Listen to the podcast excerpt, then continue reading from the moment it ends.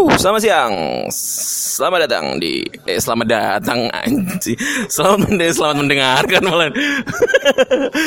Anda mendengarkan podcast Gunawan edisi spesial bersama bintang tamu. Woo. Kali ini kita kedatangan salah seorang bintang tamu dari negeri nan jauh di sana. Dan dengar-dengar sih eh, pekerjaannya cukup menarik dan cukup unik. Tapi sebelumnya kita kenal dulu. Di sini ada Vian. Bagas. Ya ya. Cayono. Jauh sekali, Cayono. Eh, kali ini kita berkenalan dulu. Ada namanya Mbak Fani, seorang apa? Digital digital kreatif. Waduh, digital kreatif. Pekerja lepas atau full full time freelancer. Dan kita pengen tahu dulu, pengen tahu bagaimana ya kehidupan pekerja lepas di kota besar. Aduh, kenalan dulu dah. Ada siapa di sini? Dengan Fanny. Fanny aja. Fanny aja. Kamu siapa ya? Aku orang. Aku manusia yang sedang tersesat di sini. Oh ya, enggak, enggak, enggak. Aku seorang full time freelance kalau boleh dibilang begitu. Hmm. Pekerjaannya yang ngadep ngadep laptop lah. yang ngadep ngadep laptop lah intinya. Apa pun yang bisa dikerjakan di laptop ya itu kerjaannya. Di laptop ini kasir Indomaret juga ngadep komputer terus ini. Bos, tolong lah.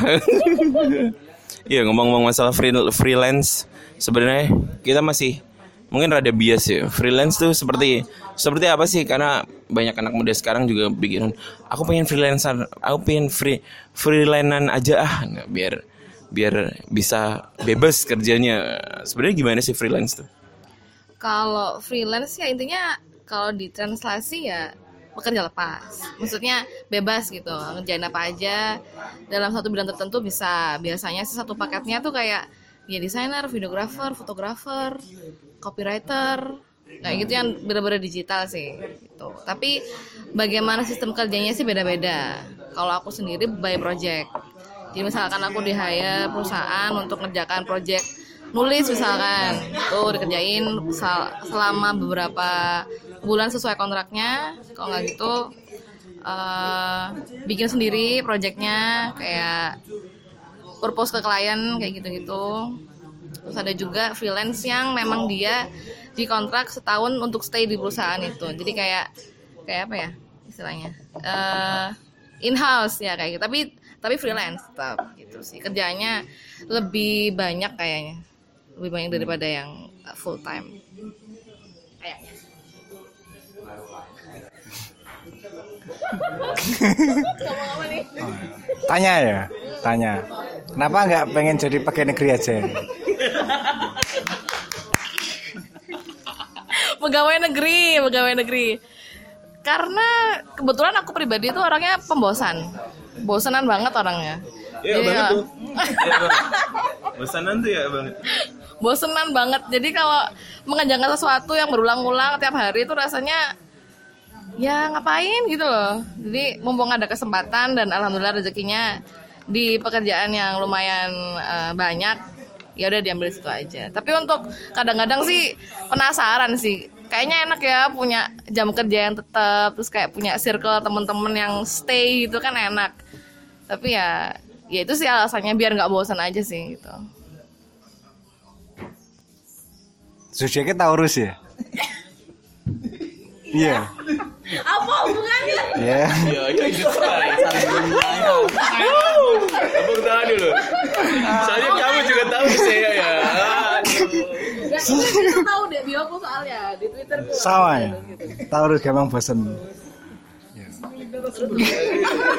Kita cukup ngulik kamu ya narasumbernya. Ada hubungan apa selama ini dengan narasumber? Iya. Kalau Taurus gimana ya? Jelasin dong. Gampang bosen. Masa tembang busen aja? Ya kita sih. Oh iya. Tanya dong itu mau tanya. Tadi kan uh, freelance ya. Uh, nek apa? Menurut apa sing dijelasno Fani mau, bagiku terus uh, bedanya dengan freeman kayak gimana ya? Masih sama aja ya freelance kayak preman. Ketika mereka bebas dan di hire sana sini, dikontrak sana sini. Ya.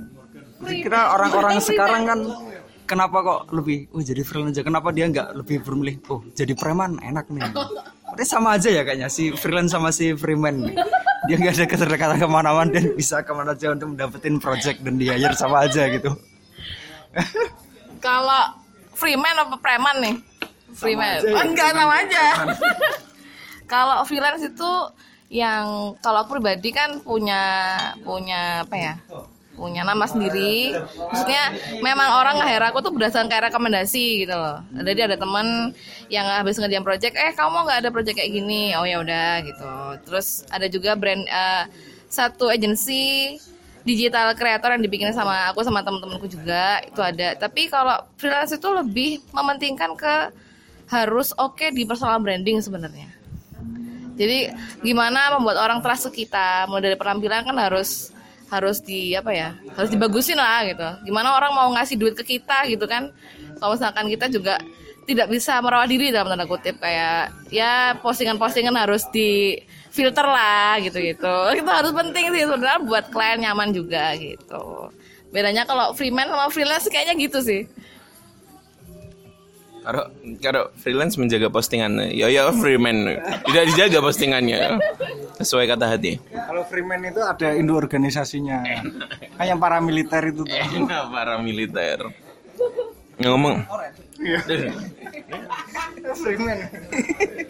Eh, udah berapa lama sih jadi freelance atau pernah kerja kantoran sebelumnya dan prosesnya kayak gimana sih biar mesti kok nyaman di freelance kayak gitu kalau ditarik mundur itu aku terbiasa untuk ngerjain sesuatu. Maksudnya kayak ada project-project gitu dari aku magang tahun 2011 waktu itu masih SMK dan SMK aku itu ada program magang satu tahun. Jadi kelas 2 semester 2 sampai kelas 3 semester 1 tuh magang. Jadi balik-balik kita langsung unas. Nah itu shock. Gila emang. Tapi dari setahun itu eh, alhamdulillah kebentuk banyak gambaran dunia kerja itu kayak gimana gitu. Terus kerja kantoran itu seperti apa dapatnya dari situ. Ngerjain dulu tuh interaktif animasi interaktif buat pembelajaran kayak gitu di Malang. Habis itu lanjut kuliah alhamdulillah keterima di satu perusahaan yang bikin company profile. Nah di situ eh, mulai mulai apa ya mulai sedikit terasah lebih lanjut gitu eh, desain desainnya kayak gimana buat orang-orang gitu.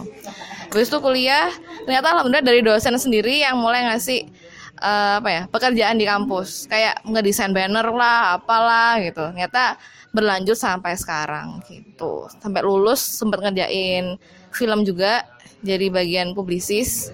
Habis itu filmnya selesai eh, lanjut lagi ada nulis dari sosial media desain ya pokoknya gitu gitulah sampai sekarang berarti total kira-kira empat tahun. Eh sorry 2012 sampai 2019 7 tahun 7 tahunan. Tapi sempat udah mulai kepikiran buat ngantor sih sebenarnya gitu. Fokusnya apa sih sebenarnya? Graphic designer videographer oh ya atau palu gada? Yang dikerjain kalau aku sih yang desain tidak bergerak.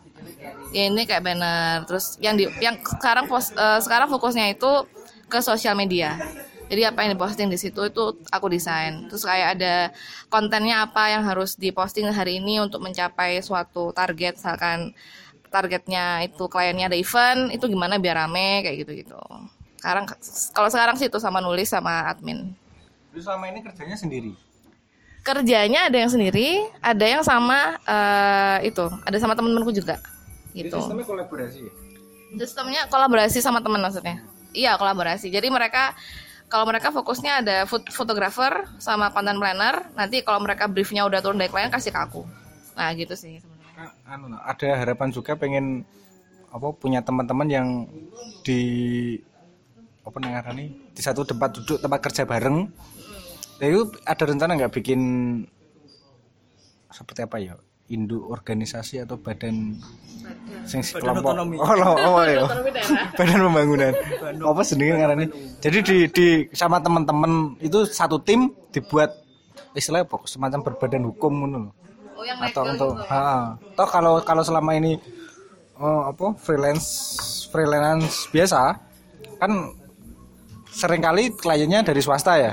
Nggak bisa ngambil dari pemerintah kan? Oh iya Nah, kan ada peluang di situ kan ya kayak tadi loh, pengen punya teman kerja bareng. Ada rencana nggak untuk bu- bikin bikin itu tadi ya apa yang tadi badan legal badan legal.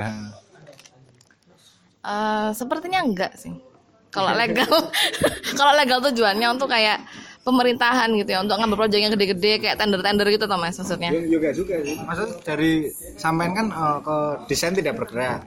Ada teman dari fotografer ada teman dari konsultan. akhirnya bikin tim di situ. Kebetulan oh kebetulan sih sekarang udah ada tim kayak gitu. Jadi itu tadi yang kita kerjanya bertiga sekarang untuk bagi-bagi tugas. Jadi datang ke tempat kliennya siapa kalau gitu foto produknya apa. Habis itu kita kita kerjain bareng kayak gitu sih.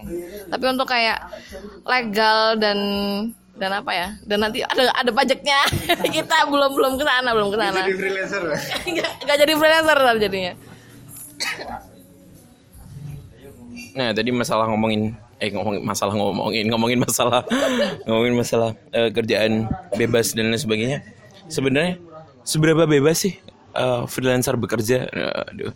Karena kan mungkin kalau kita ngantor di tempat-tempat yang konvensional kita ada batasan-batasan tertentu untuk bekerja, ada ada mungkin entah wala- walaupun kita bekerja sebagai desainer ada ada mood board desainnya sendiri bagaimana seperti apa seberapa bebas sih eh, seorang freelancer menentukan kerjaannya dan bekerjanya sistem kerjanya kalau intinya kalau freelancer itu kalau udah ketemu deadline ya udah maksudnya dari segala macam apa pun cara harus ketemu deadline-nya itu gitu loh. Jadi dia mau ngerjainnya pagi kalau aku sih pagi itu kan langsung eh, bikin to do list apa aja hari ini yang harus deadline. Itu besoknya ngerjain apa ngerjain apa ngerjain apa. Dan itu kalau ngomongin apa sistem kerjanya ya? sistem kerjanya sih ya bebas. Tapi bebas itu dalam artian memang bener-bener jadinya tidak punya batasan. Bener-bener bebas. Jadi kayak eh, mulai dari jam 7 pagi sampai jam 7 malam bener-bener sepanang depan laptop bisa. Sampai itu break satu jam. Eh, nanti lanjut lagi bisa. Kalau gitu eh, waktu ngopi pun juga bawa laptop. Ujung-ujungnya bawa laptop gitu. Aku ke sini juga bawa laptop buat jaga-jaga. Kalau misalkan nanti kalau ada yang urgent bisa langsung kerjain. Jadi jatuhnya jatuhnya ya gitu sih. Bebasnya kayak gitu bisa bekerja di mana saja dan kapan saja? Kekurangannya juga bisa bekerja di mana saja dan kapan saja. Nah, nah dengan dengan mungkin ah, sistem kerja kayak gitu dari jam 7 pagi sampai sampai jam 7 malam dan sebagainya kayak gitu apakah sistem kerja kayak gitu sehat? Sehat maksudnya sehat secara secara eh, kita ngomongin ya psikis sehat secara psikis ataupun sehat secara eh eh, apa ya regulasi-regulasi mungkin selama ini kan kita tahu regulasi bahwa bahwa pekerjaan dari dari dari karyawan-karyawan itu 40 jam per minggu. Sedangkan sedangkan freelancer-freelancer itu kan lebih bisa 24 jam selama 7 kali. 24/7. Nah, itu apakah sehat atau memang memang hal kayak gini di apa ya? diabaikan lah sebagai seorang freelancer. kalau ngomongin soal apa tadi? Aduh lupa dah apa tadi namanya? Jam kerja. Jam kerja. itu sebenarnya tergantung tergantung orangnya juga. Seberapa banyak yang bisa dikerjakan dan seberapa mau mendapatkan hasilnya gitu kan. Jadi kalau misalkan memang lagi pengen meruput nih meruput eh, ngerjain project A B C ya harus dikerjain gitu sesuai dengan targetnya pribadi sih tapi kalau aku ya sekuatnya sih lah sekuatku itu kalau misalkan 18 jam sehari ya 18 jam sehari jadinya Kerja 18 jam sehari. tapi itu ya enggak Cepat haji. Nggak, amin. Nggak, nggak itu. Nggak diselingi lah sama kayak ngopi gitu. Lagi jenuh, alah dikerjain di sini aja lah, ngopi dulu gitu. Sama ngerjain gitu sih. Tapi selama ini kliennya memang klien yang benar-benar face to face ya atau atau banyak klien-klien yang mungkin lewat third party pihak ketiga kayak misalnya situs-situs freelancer terus Fiverr atau apa. Nah, itu paling banyak dari online atau yang memang ketemu langsung sama klien. Ini masih ngerekord ya? Masih. Kok gak tulisannya? Eh, kalau selama ini sih kebanyakan face to face, face to face. kalau nggak gitu remote remote itu hasil dari kayak rekomendasi gitu. Mau nggak ngerjain dari website ini nanti dikontrak segini gitu itu remote. Misalkan kerjanya nulis gitu ya itu remote. Eh, kalau misalkan dari third party ngomongin kayak freelancer kayak gitu gitu ya. Aku punya pengalaman buruk sih jadi nggak mau mengulangi. Karena ada satu atau dua website yang dia itu menerapkan sistem rating. Jadi semakin banyak project yang dikerjakan semakin tinggi ratingnya dan kamu semakin banyak kesempatan untuk di hire gitu kan. Tapi untuk mendapatkan rating itu kamu juga harus memenuhi ke- keinginan klien yang nggak masuk akal. Jadi misalkan gini ada yang butuh slide presentasi waktu itu butuh 100 slide katakanlah satu slide. Tapi dia punya budget cuma 200 ribu. Kamu harus mendesain 200 eh, 100 slide untuk pekerjaan senilai 200 ribu dan satu desain kamu dihargai 2000 rupiah. Itu kalau kamu ratingnya naik harus dikerjakan lah itu waktunya bisa cuma tiga hari lima hari kan nggak masuk akal Thomas. Jadi kayak nggak worth it gitu loh. Dan itu banyak banget. Ya adalah website yang seperti itu dan lagi kalau misalkan ada satu lagi website yang langsung memajang hasil pekerjaan yang belum tentu akan dipakai. Jadi ini kayak desain logo gitu ya butuh klien butuh logo gini gini gini spesifikasinya. Udah dikasih. Itu langsung dipajang dilihat diperlihatkan semua. Itu rawan banget plagiasi nah itu kan jadi kita kerja juga ini aman apa enggak gitu loh. Kalau dari segi desain grafis ya kayak gitu. Tapi untuk freelance-nya sendiri sih itu tadi tergantung tergantung dari kebutuhan kliennya apa gitu. Iya, tapi kalau si- ber- beberapa situs memang kalau yang modelnya crowdsourcing kayak gitu memang biasanya kan ada yang memang fiturnya blind mode kan yang jadi kontestan lain nggak bisa lihat desain yang peserta lain. Tapi sebenarnya di susah-susah gampang ya dapat dapat klien tuh sebenarnya prosesnya awalnya yo yo rekomendasi balik-balik lagi. ya. Ya, rekomendasi. Itu yang rekomendasi itu ibaratnya apa ya? Yang paling bisa dipercaya lah gitu. Kita kan lebih percaya omongan orang ketiga kan daripada kita sendiri. Misalkan, oh orang ini eh, kemarin aku kayak gini loh. Eh, tapi ternyata setelah ada teman lain kan lebih percaya tuh. Soalnya dia juga udah berapa kayak kan. Jadi rajin-rajin untuk eh, apa ya? Rajin-rajin untuk membranding diri sih gitu sama pekerjaannya hasilnya gimana gitu.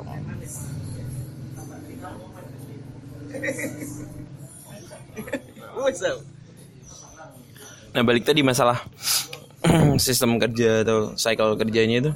Sebenarnya eh, ceritain dulu dong gimana sih? Eh, karena memang ini bisa bekerja di mana saja dan kapan saja. Eh circle selama sehari mungkin. Sehari itu kayak gimana sih? Karena memang eh, beberapa teman di sini dan termasuk saya kan ngantor yang memang benar-benar jelas. Kita bangun pagi jam mungkin jam 6 jam 7 jam 8 berangkat jam jam 4 jam 5 pulang malam ngopi tidur terus besok gitu lagi.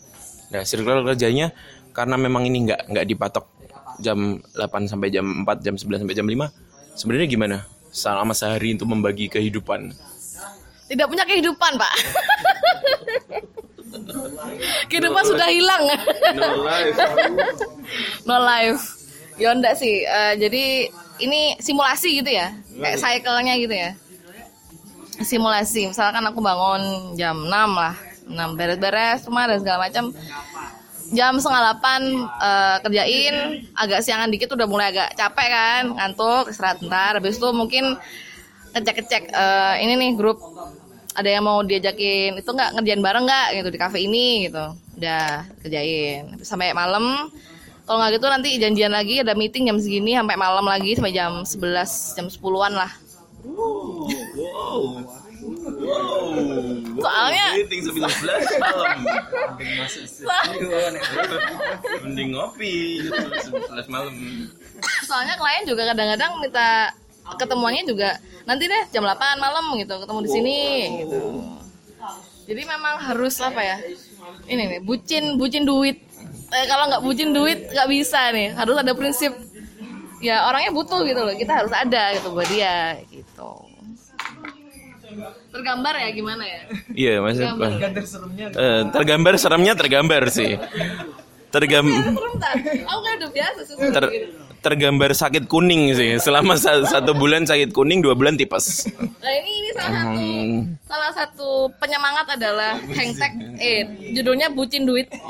Jadi kalau kalau di Pak ini buat lucu-lucuan aja tuh kalau pakai ke klien pakainya ini gitu biar kelihatan kerja. gitu. Kalau ke kafe juga biasanya pakai kayak gini biar kayak kita oh ini orang-orang pada kerja bukan ngopi. Waduh. Terus golek sangu akhiratnya kapan? Aduh. Semua di dunia ini adalah titipan. Tolonglah pendengar sekalian jangan dicontoh ya. Ini dengan dengan, mungkin diajakin diajakin eh, apa eh, klien meeting jam 8 malam atau jam 11 malam kayak gitu pernah nggak nolak dengan alasan mungkin kalau kita kalau kita ngantor itu kadang dia diajak meeting jam 4 sore baru meeting padahal jam 5 udah pulang. Itu kadang-kadang beberapa kan nolak besok aja lah oh, udah malam daripada overtime kayak gitu. Apakah pernah nolak demi alasan entah kesehatan atau kayak gimana? Kalau buat alasan kesehatan secara fisik sih enggak ya, tapi kayak bosen gitu. Maksudnya jenuh banget sama otak itu udah panas rasanya mikirnya. Tapi so, kalau diingat-ingat sih selama ini enggak, enggak enggak nolak kayak ya nggak ikut kalau gitu paling mentok nyusul lah gitu. Kalau gitu ada teman-teman gimana ditanyain dulu, ayo rek rapatnya gimana ini anaknya ikut apa enggak gitu. Ya ikut tapi jamnya jamnya dikompromi lah kamu datang dulu nanti aku nyusul kayak gitu-gitu Wah gitu biasanya tempatnya harus oke nih masa mau di kantor ya tempat ngopi lah gitu loh. Jadi biar nyantai ngomongnya meskipun bahasannya serius kayak gitu. Iya selama jadi freelancer 7 tahun apa ya? Semenggiurkan apa jadi freelancer semenggiurkan apa kok sampai maksudnya betah kan maksudnya? Maksudnya udah passionate banget jadi freelancer. Dan mungkin project terburuk dan project terbaik apa sih? Maksudnya terbaik project besar yang yang maksudnya dari segi nominal menggiurkan apa? kalau ngomongin dari segi menggiurkan sih tiap orang beda-beda ya mas ya. Kalau aku sendiri sih aduh ini ini rada naif iki. tapi tapi menurut sendiri tuh aku kerja tuh nyari nyaman sebenarnya. Cari nyamanan hubungan juga ya?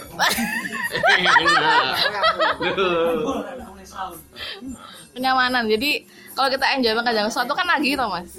Kan kita ngeliat orangnya seneng gitu. Oh iya kliennya seneng sama postingan ini. Nanti nanti bikin lagi yuk. Gini gini gini gini. Jadi itu yang itu yang dikejar. Tapi untuk menggiurkannya sih secara nominal ada yang seperti itu. Ada yang menawarkan nilai menggiurkan yang wah banget ini project kayaknya oke gitu. Ya nggak bisa disebutin nggak bisa disebutin. Sebut dong karena karena karena ini akan menggoyangkan lah enggak enggak. Ya ada satu project yang nilainya menggiurkan tapi ternyata endingnya tidak sesuai kontrak. Nah itu resiko juga sih yang kita bener-bener kita sebagai pekerja itu udah kayak dibuai dengan nanti janji-janji oh, nanti bakal bayarnya segini nanti bakal ketemu ini ini bakal proyeknya bakal wah banget. Ternyata tidak. Kita udah kerja istilahnya waktu 2000 berapa ya? 2000 sekian lah beberapa tahun yang lalu itu aku pribadi tuh kerja sampai di kantornya itu sampai tengah malam. Pulang jam 1 jam 2 sampai rumah masih sampai rumah masih disuruh kayak bikin tolong bikinin cover ya nanti mau presentasi jam 7 gitu. Yo wes bikinin bos. Berteman cutting deng. Oh kalau kantinnya enggak? Kopi. Sampai sekarang insomnia akhirnya. Eh, itu sih yang yang kadang-kadang bikin mikir ini worth it apa enggak ya? gitu. Kadang-kadang kalau ketika kliennya terlalu menjual kita kayak ada insting kayak angka ini kayaknya nggak nggak gitu deh endingnya gitu. Kadang-kadang jadinya kayak gitu. Berarti sama aja ya sing offline sama si online-nya yang di uh, buat freelanceran nih. Uh, maksudnya aku nangkepnya gini ketika pas uh, ada project buayan, waduh project buayan. Project impian. Ya project buayan segitu kayak ketika we ikut di situs-situs sing freelance itu itu sama aja sing kayak kita sing naik peringkat gitu. Kan bukannya sama aja kayak gitu ya? Mas aku nangkepnya itu satu hal yang sama gitu. iya betul-betul itu sorry satu hal yang sama sih tapi tapi kalau misalkan crowdsourcing orangnya lebih banyak. Dan kita kan nggak apa ya istilahnya bisa lepas tanggung jawab dengan mudah gitu loh mas. Kalau misalkan online crowdsourcing ya. Tapi kalau yang offline kan enggak maksudnya kita masih ngejar-ngejar orangnya nih sampai ditemuin dikejar orangnya lagi di mana? Ayo temuin tagih kayak gitu gitu jadi nih lebih apa ya mendebarkan. Lebih menantang jadinya.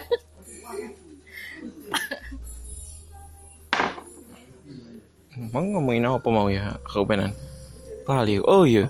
Karena katanya tadi bilang eh, Kalau ngajak meeting kan Masa meeting di kantor nah, Di tempat ngopi lah Di kafe. Dan dan kamu bilang juga eh, Kalau ngerjain biasanya di kafe juga. Dengan circle kepekerjaan seperti itu kan Otomatis Kamu hampir tiap hari kan ngafe. Nah, dengan hampir tiap hari ngafe pasti pengeluaran untuk ngafe lebih banyak. Apakah itu worth dengan pekerjaan? Nah, kayak gitu. Kalau dibilang worth it secara finansial ya kalau dihitung itu aku sampai nggak berani ngitung mas. Nggak berani ngitung mas jangan dihitung lah mas jangan dihitung. Takut kecewa. Takut kecewa takut kecewa. Ternyata zong kok kok jadinya segini ya ternyata. Misalkan kafe di sana ya dua puluh ribu lah dalam dua jam misalkan. Habis itu pindah kafe lagi? Eh, kadang-kadang ya. Kadang-kadang ya kadang-kadang ya. Ganti-ganti suasana biar nggak bosan tapi itu worth itnya worth itnya nggak kerasa. Maksudnya gini finansial mungkin agak jomplang dikit gitu ya. Maksudnya pengeluarannya lebih banyak. Tapi karena kita enjoy ngerjainnya itu baik lagi. Ngerjainnya enjoy ya seneng-seneng aja jadinya gitu. Ngerasa di imbursnya tuh dengan kita kenal orang baru dengan suasana baru sampai ownernya itu kadang-kadang ya udah ngerti udah disapu-sapu kita masih nongkrong di sana juga nggak apa-apa gitu. Ya gitu-gitu jadinya Terus kalau kalau jadi freelance gini urusan asuransi kayak gimana? Apa Fani juga ikut BPJS ketenaga kerjaan dan kesehatan? kalau kalau asuransi kesehatan ya kalau aku eh, BPJS kesehatan sendiri yang mandiri itu tapi yang satu keluarga itu sih aku sendiri kerjaan nggak ada nggak ada yang menjamin Juga bisa ikut mandiri juga. Oh iya bisa sih, tapi tapi nggak belum kepikiran ke sana sih mas. Ya karena kita merasa aku merasa apa ya, lagi istilahnya di awang-awang gitu loh. Jadi bener-bener menikmati aja gitu. Ya enak juga soalnya. Gitu. Masokis juga. Self destruction ya. iya cukup cukup masokis ya aduh apakah dengan dengan pekerjaan kayak gitu kita ngomongin masalah selain selain masalah kesehatan juga kesehatan secara fisik juga mental health juga kan karena dengan dengan circle kerjaan seperti itu yang hampir 18 18 jam atau lebih. Mungkin ketika ketika pulang masih disuruh ini itu dan lain sebagainya dan kita mungkin nggak punya power untuk menolak klien dan lain sebagainya. Apakah memang isu mental health itu juga menyerang para freelancer? Selain kamu juga mungkin teman teman-temanmu. Mungkin jadi ada yang lebih lebih stres tingkat stresnya lebih tinggi atau atau kayak gimana? Atau karena memang ya dengan kayak gitu akhirnya ada beberapa mungkin menyerah aduh aku kantorannya lah waduh aku eh, leasingannya lah waduh belantai sapi mungkin kayak gitu Masalah mental health itu tergantung orangnya juga sih ya. Kan kita kadar kadar ketangguhan mentalnya kan beda-beda tuh. Ada temenku yang dulu banget itu nggak kuat soalnya kliennya requestnya banyak. Akhirnya dia memutuskan untuk menikah. Oh enggak, enggak, enggak. enggak, enggak.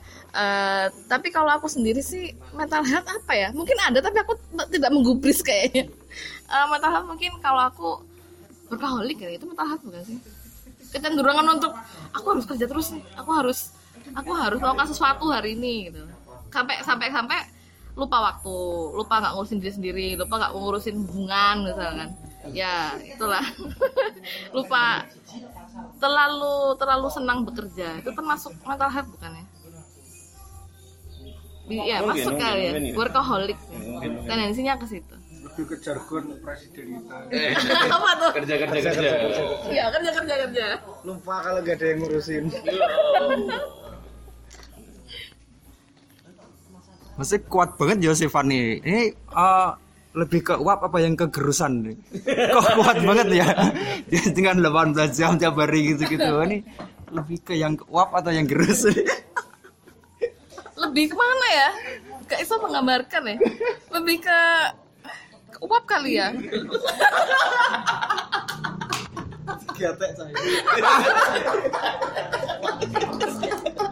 ya Tadi wap Eh ya waduh ya. itu itu anu sih gambaran kasarnya sih mas 18 jam sehari yo paling kalau dipotong ngopi-ngopi ngobrol-ngobrol paling yo 12 atau 14 lah aja Oh enggak bener oh si Fani wap. Kan dia vaporan ya. Wapnya vapor. Aduh. Tapi ya 12 jam yuk dipotong 18 jam dipotong ngobrol 12 jam. Yang 7 jam 8 jam juga dipotong ngobrol jadi 3 jam sih sebenarnya. Tidurnya Ngerjain. tinggal 5 jam sehari itu udah cukup Hmm. ya, 4 jam sehari. Waduh, 5 jam sehari. Apakah keluarga rela? Dengan selama ini kan pasti banyak waktu yang yang apa ya? Yang kalau dianggap terbuang sih nggak terpakai, terpakai untuk bekerja dan dan eh, banyak banyak waktu lain yang yang mungkin terabaikan mungkin waktu ya waktu quality time dengan dengan orang lain atau waktu waktu me time sendiri kayak gitu-gitu. Eh, apakah selama ini tidak tidak tidak dipikirkan atau kayak gimana? Apalagi kan kalau freelance kita nggak ada nggak bisa matok hari hari libur juga kan. Jadi bisa aja ketika mungkin entah pasangan atau keluarga di rumah sedang libur kita bekerja kayak gitu-gitu sehingga nggak nyambung. Soalnya beberapa beberapa orang kan memang mereka apa ya mereka dapat masalah di rumah karena liburnya berbeda dan jam tidur yang berbeda. Perbedaan jam tidur. Kalau ngomongnya soal hubungan hubunganku sendiri sama yang apa ya core core apa ya core core relationship lah ya teman eh, pasangan mungkin atau orang tua dan segala macam. Kebetulan aku eh, orang yang eh, tidak tidak harus memikirkan itu gitu loh. Dia aku bebas saja orang tua posisinya jauh dari Malang. Sama adikku juga. Jadi di Malang aku sendiri sama kakak aku orangnya juga kerja. Aku ya bebas mau ngapain aja gitu. Itu sih. Kalau soal pertemanan alhamdulillah pertemanannya juga temen deketku itu ya temen yang biasanya ngejakin aku ke teman buat ngelembur. Waduh, ngono-ngono aja. Sih. jadi teman deketku juga sama workaholicnya sama aku juga gitu. Jadi udah sore jam 5 gitu mau istirahat. Di rumah dia whatsapp ayo nemen aku ngelembur yuk.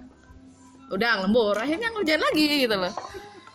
Jadi urusannya bener-bener bener-bener aku menjalin hubungan dengan orang cocok-cocokan jam kerja. Maksudnya gimana kita omongannya selama sela-sela itu sih gitu.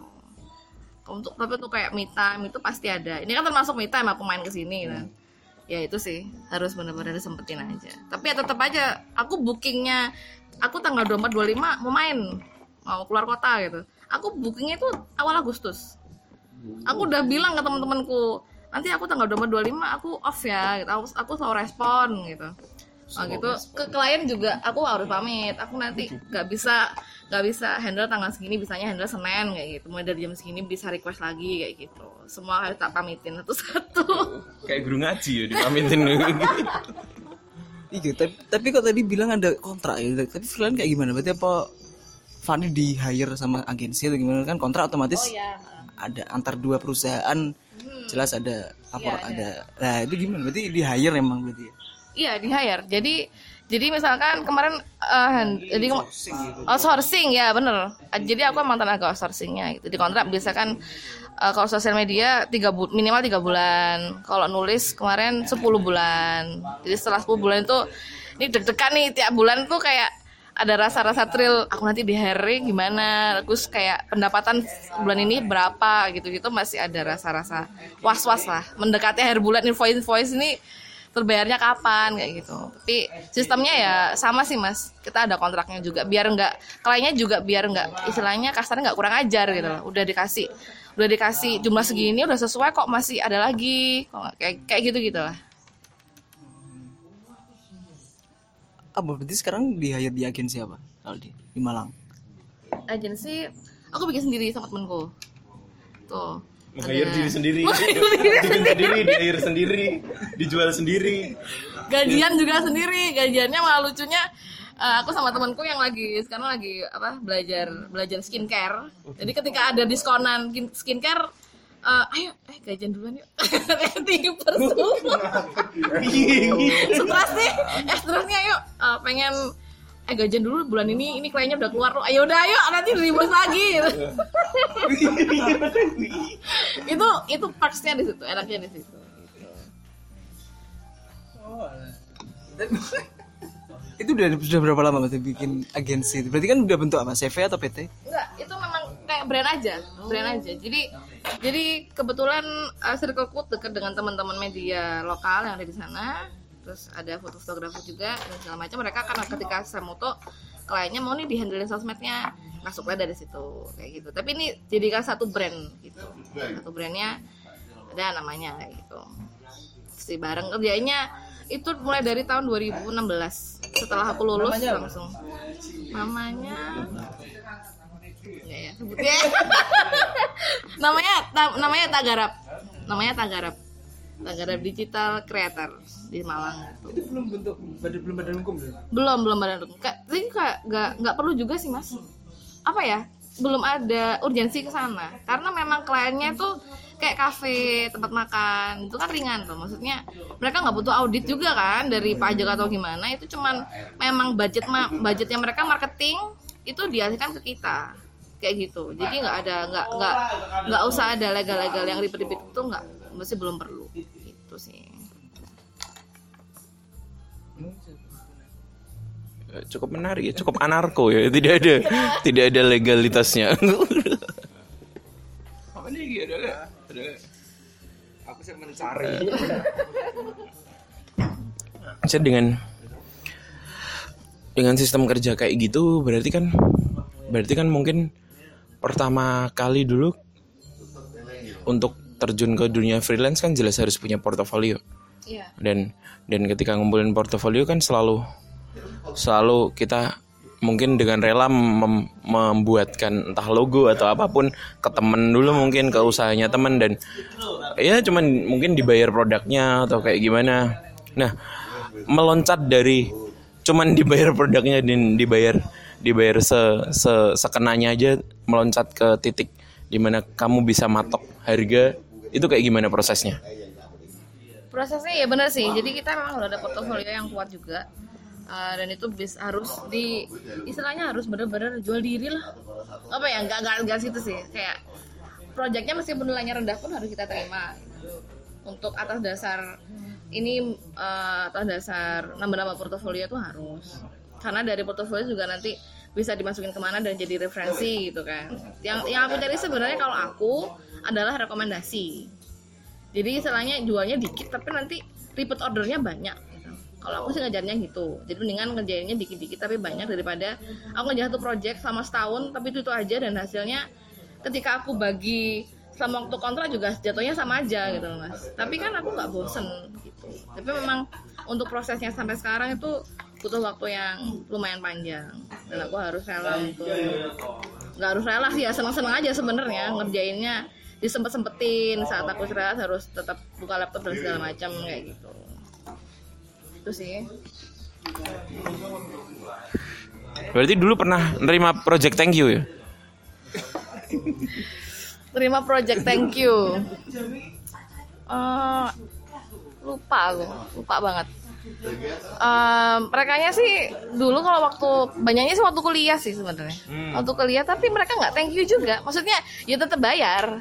Cuman ya alhamdulillahnya aku dipertemukan dengan orang-orang yang cukup tahu diri gitu. yang cukup tahu diri ketika ada pekerjaan selesai ya harusnya dibayar gitu kan.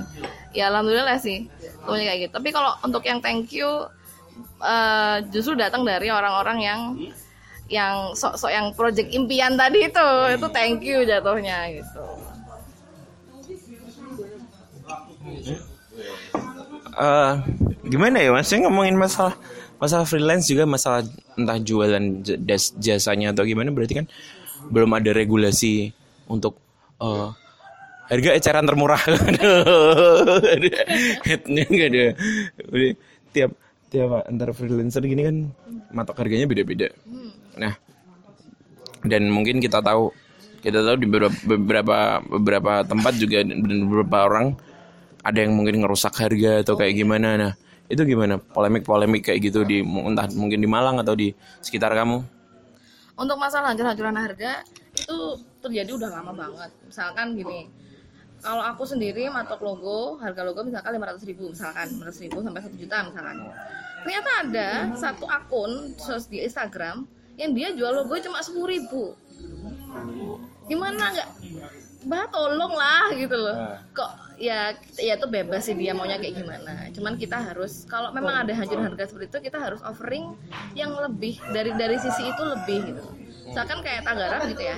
Dengan price-nya segitu ada juga agensi yang uh, price-nya hampir mirip sama eh, layanannya sama tapi kita mungkin menyediakan layanan kayak customer service-nya kita lebih engage. Jadi kita uh, bikin grup sama klien. Kliennya bisa langsung ke situ. Bebas nggak nggak perlu via email nggak perlu via apa yang formal. Tapi kita juga ke sana buat yang ngobrol-ngobrol lah. Kita engage bener-bener secara emosional tuh harus ada kayak gitu. Jadi memang harus kalau ada ngajar anda kita harus uh, offline-nya yang lebih di, di apa ya? Di apa di enhance-nya di situ lah gitu kan tiba-tiba ajakin ayo brainstorming jam segini di sini ayo kita kita ngobrol bareng juga jadi selain dia juga senang kita juga harus mengenali klien secara pribadinya dia apa yang dia suka itu kita juga harus ngerti gitu. harus bisa mingle lah kayak gitu itu yang mungkin nggak bisa diberikan sama yang yang lainnya kayak gitu. Tapi maksudnya isu terhangat di Malang terkait freelance freelance apa? Ada ada nggak isu-isu atau mungkin udah ada urgensi untuk bikin serikat serikat pekerja kayak gitu kayak freelance. Kan soalnya kan kalau dari Jakarta udah ada sindikasi. Nah, maksudnya kalau di Malang apa? Maksudnya yang isu yang lagi hangat di dunia freelancer ya apa? kalau di kalau di dunia freelancer sendiri sih jatuhnya kalau di Malang itu dihubungkan dengan kata-kata kreatif. Maksudnya bidang kreatif itu harus di apa ya dimasukkan di segala event kata-kata milenial kata-kata kreatif. Gitu kan. padahal kita sendiri sebagai yang melakukan itu tidak merasa ini kreatif tak kayaknya bukan deh gitu misalkan ini ada kata kalau dulu sih anu eh, sempat kalau ngomongin soal apa ya polemik yang dulu sempat rame ini keluar dari agak off topic ya. Itu dari bidang kreatif juga itu adalah branding waduh ngomongin ini abot itu dia. Iya logo Pemkot itu. Itu kan sempat ada satu forum ada satu forum namanya ADGI yang asosiasi, asosiasi dan grafis Indonesia itu yang chapter Malang itu juga menggugat ngajak ngomong nih orang kok gimana ceritanya bisa kayak gini? Ini kenapa kok bisa kamu mendeklarasikan sebagai kota kreatif tapi kok kayak gini? Gitu kan. Ini adalah isu tadi disclaimer ya ini isunya semua orang udah tahu gitu. Jadi ya itu contohnya. Jadi memang untuk asosiasi sendiri sudah ada tapi mungkin belum belum belum merata gitu. dan kayak terpecah-pecah gitu jadinya. Gitu. belum belum ada satu yang benar-benar oh kalau ada freelancer ini malah dicurangin sama klien harus melapor ke sini gitu. Kayaknya belum ada belum ada kayak gitu. Kan di Malang itu orangnya anu mas? Kompetitif. Kompetitifnya banget tuh kompetitifnya sampai eh, latah kalau aku ngelihat ya latah kalau dulu di Malang kan kayak es kepal Milo semua es kepal Milo. Sekarang es kopi susu. Es kepal Milo. Oh, ya kemarin Milo. es kepal Milo. Kalau sekarang kan di Malang susah untuk diajak jadi satu susah. Mereka tuh maunya bersaing. Gitu. Eh, ya gitulah jadinya. Jadi tidak ada belum setauku belum ada yang seperti itu.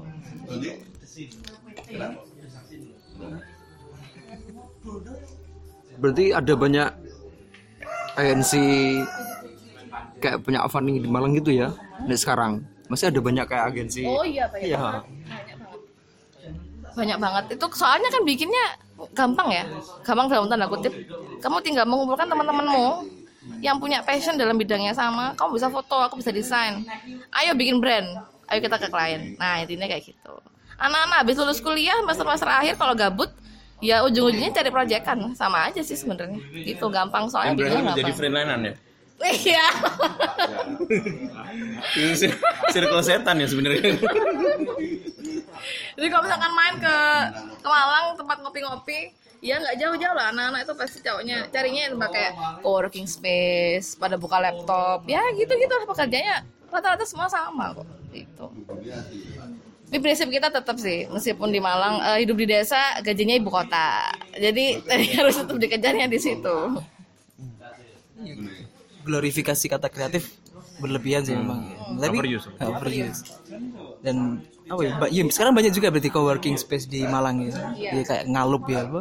Lalu ada terus yang lain eh, daerah Suhat itu juga banyak. Daerah kota-kota yang strategis kayak di jalan apa itu? Dekatnya Rodowon juga ada gitu. Tapi penggunaan kata coworking itu kalau setahu coworking itu adalah tempat di mana kamu bisa bertemu calon-calon investor juga. Bertemu dengan calon-calon apa ya kayak yang bisa memberikan feedback juga ke kamu gitu tapi coworking di sini karena, karena diglorifikasi menjadi tempat di mana kamu bisa nancepin laptop dan kamu kerja. Itu namanya coworking. Sebenarnya kan bukan. Coworking adalah kamu bisa bekerja sama dengan orang yang ada di situ kayak gitu. tempatnya itu yang memfasilitasi namanya coworking gitu sih ya gimana ya itu tadi sih. banyak yang youtuber aja. Oh banyak, youtuber banyak, youtuber banyak. Ya untuk untuk untuk bisa bi- bidang-bidang kayak gitu yang berhubungan dengan sosial media, ya bisa bisa dibilang menjamur lah, dan hancur-hancuran harga juga. Bahkan ada kayak satu agensi yang dia menyediakan ini aku tahunya anu ya disclaimer ya ini aku tahunya hanya kabar angin tapi aku rasa juga masuk akal. Ada satu agensi yang menyediakan jasa apa itu? Masa tapi fake. Jadi kan klien ada event launching buka booth apa di mana gitu ya. Ya orang-orang itu yang datang. Misalnya ada hire 50-an orang gitu. Kamu posting kalau satu tak bayar misalkan 10 ribu misalkan. Ya itu gitu itu yang dijual ke kliennya. Pokoknya kelihatan rame. Kelihatan wah gitu ini banyak yang beli produknya. Ya udah jadinya jadilah ya apa ya istilahnya? Eh, nge-trigger orang untuk datang dulu kayak gitu. Customer bayaran. customer bayaran benar. Sama penonton nih. ya kan nonton dahsyat itu lah customer ya bayaran ya. Iya. Ini aku ngalih mau Ini juga saling apa rasa kompetitifnya juga besar nggak antara si AN1 sama ANC lain yang di Malang ini? Apa mereka Agensinya tuh? saling uh, bagi-bagi itu? Eh kerja sama si sama si A sama si B. Oh ini kasih kerja aja, No, kayak gitu. Gimana? jadi kayak asosiasi agensi gitu ya mas ya maksudnya Hmm, kalau setauku sih di mana nggak ada. Setauku ya nggak nggak tahu kalau ada dan aku nggak denger karena aku tidak punya kehidupan. Jadi ya kayaknya sih. Tapi kalau untuk orang Malang seperti itu, kalau bisa seperti itu tuh luar biasa menurutku. Benar-benar bisa kayak, ayo ngelempar ke sini kolaborasi itu adalah hal yang luar biasa. Tapi enggak, kami sepertinya belum bisa kayaknya. udah dikerjain sama si Iya benar. Dengan segala cara meskipun nanti nge-hire orang siapa dengan bayaran apa, wis pokoknya kita dulu maju gitu. Yang lain biarin gitu. Sebenarnya sangat kompetitif. Mm-mm, banget, kompetitif banget. ini nggak pernah ada ya perkumpulan kayak di sini teman-teman yang nyablon gitu sama-sama. Wah kita banyak sama kok. Desainnya juga sama kok. Sama-sama aja di sini sana ngerjain sama aja bebas. Kayak kalau desain wah di sini pantonnya sama kok sama yang di sana. Adobnya sama cc-nya ya sejauh ini hmm, kalau masalah ngomongin klien klien kan selalu ada selalu ada yang mungkin unik atau entah unik dari dari segi segi permintaannya atau atau kayak apa ya ya gitu gitulah selalu ada yang yang "Ih, ngapain sih klien itu ini jalur aneh. Nah, terus ada yang sok-sok mungkin ada yang sok-sok dia tuh sebenarnya nggak tahu tapi sok-sok tahu gitu sok-sok tahu. dia itu nggak nggak tahu apa yang dia mau sebenarnya atau apa- yang dia butuh sebenarnya tapi dikasih tahu nggak bisa nah kayak gitu pernah nggak ada klien kayak gitu ceritain dong gimana klien-klien ini unik-uniknya Itu setiap periode, setiap bulan kayaknya ada. Eh enggak enggak tiap bulan, maksudnya setiap kayak datang itu kita ngerti lah orangnya.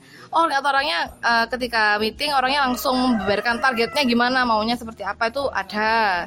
Tapi yang kayak ujung-ujungnya ngelempar kayak ada satu klien yang dia jangan dibayar dibayar nih jangan jangan.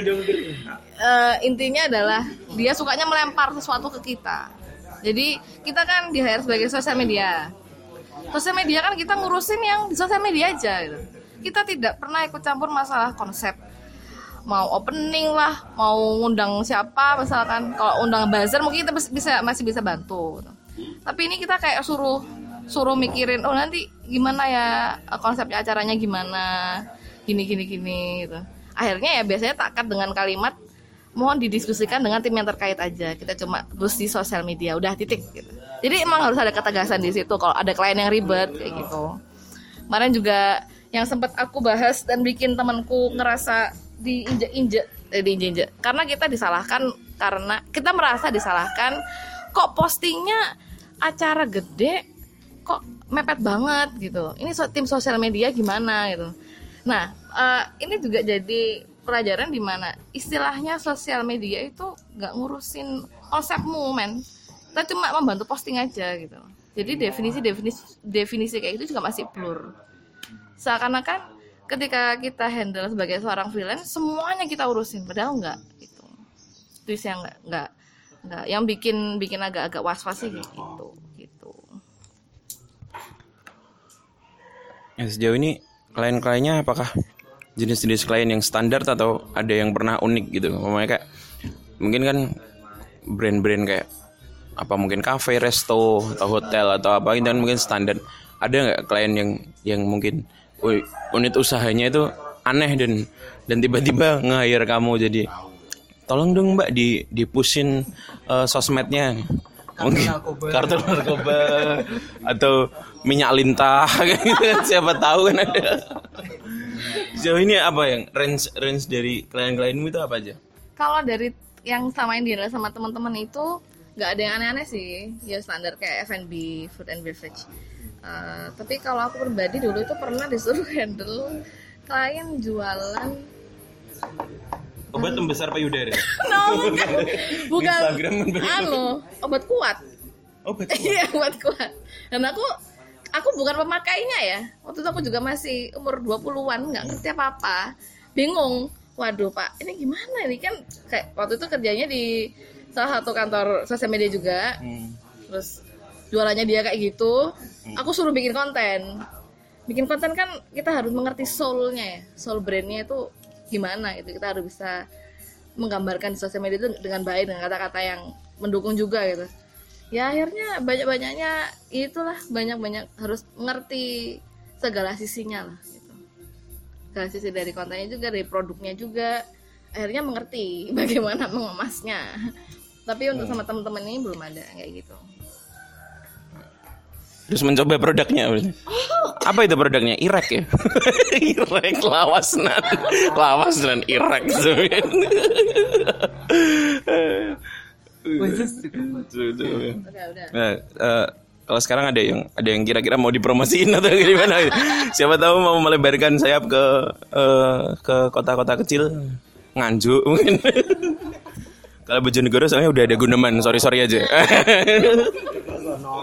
Kertosono. Mungkin, Sugio, Mantup.